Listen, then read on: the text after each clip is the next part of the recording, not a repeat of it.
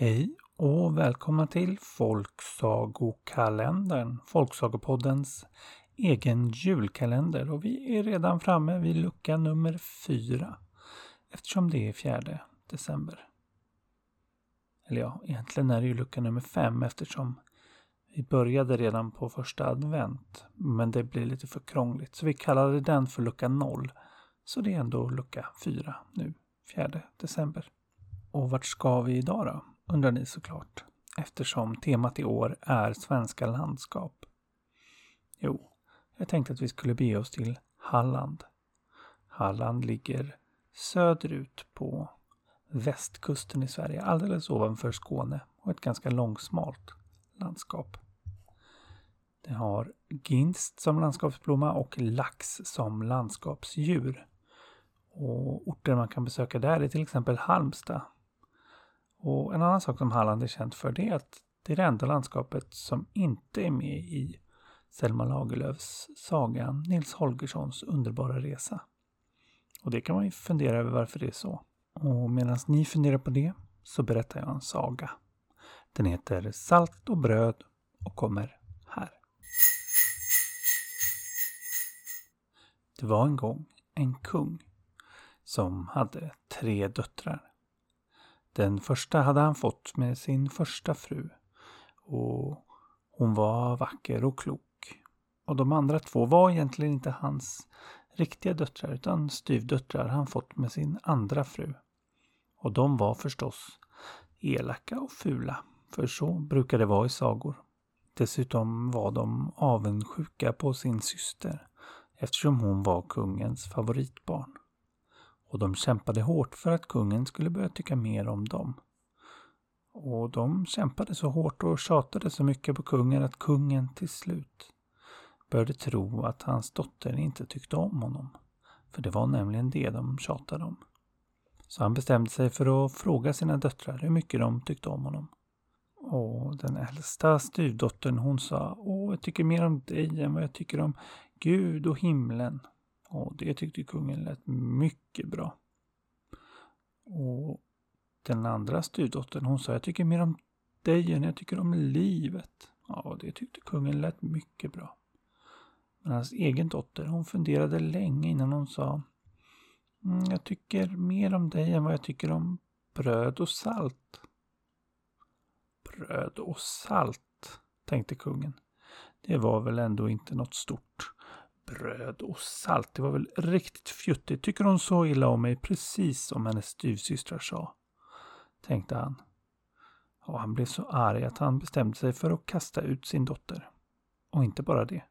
Helt naken bestämde han att hon skulle bli utkastad. Ut i skogen där det var fullt av vilda djur. Ja, så hemskt tyckte han det var att hans dotter inte tyckte mer om honom än om bröd och salt.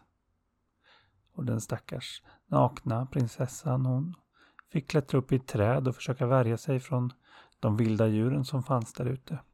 Men som tur var så kom precis då en prins ridande och fick syn på den nakna flickan i trädet. Och eftersom han var en prins och väldigt hövlig så gav han henne genast sin mantel så hon kunde skyla sig.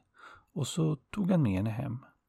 Och hon förklarade det hemska hon varit med om att hennes pappa hade drivit iväg henne från sitt eget hem utan kläder fastän hon hade sagt att hon tyckte om honom mer än bröd och salt. Och prinsen tyckte mycket, mycket synd om henne. Och eftersom det här är en saga så blev de snart kära. Och det blev bestämt att det skulle bli bröllop. Och alldeles innan bröllopet så blev det bestämt att prinsen skulle bli kung. Och prinsessan skulle därmed bli drottning. Ja, och de bjöd in alla från de omkringvarande kungarikena, för det gjorde man på den här tiden. Och därför kom också drottningens egen pappa, kungen, och drottningens systrar, eller ja, styvsystrar. Men de kände inte igen henne eftersom de trodde att hon var ihjälriven ute i skogen, naken och jävlig. Så var det dags för bröllopsmiddag. Och det var en festlig måltid med alla möjliga lyxiga rätter. Men smakade inte allt lite konstigt? Ja, det smakade faktiskt nästan ingenting alls. Någonting av det. Nej, nu började kungen känna sig lite missnöjd och hans styvdöttrar också. Och dessutom så fanns det alla möjliga sorters kötträtter och grönsaksrätter och allt man kunde tänka sig utom en enda sak som man väldigt gärna ville ha.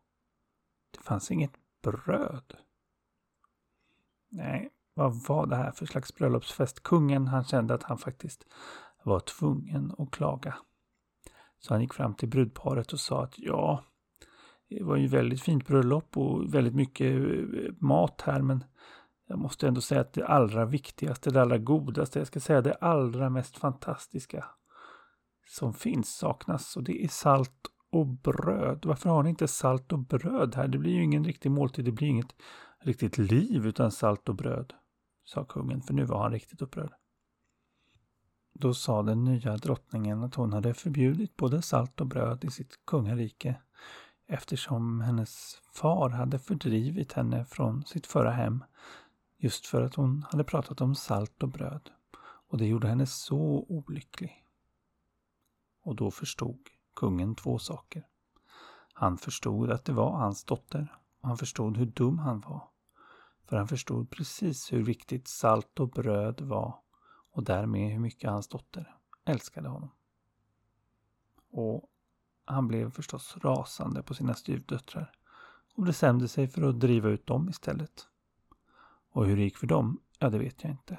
Men jag vet att kungen och hans dotter, som nu var drottning, ofta träffades över en bit bröd och lite salt.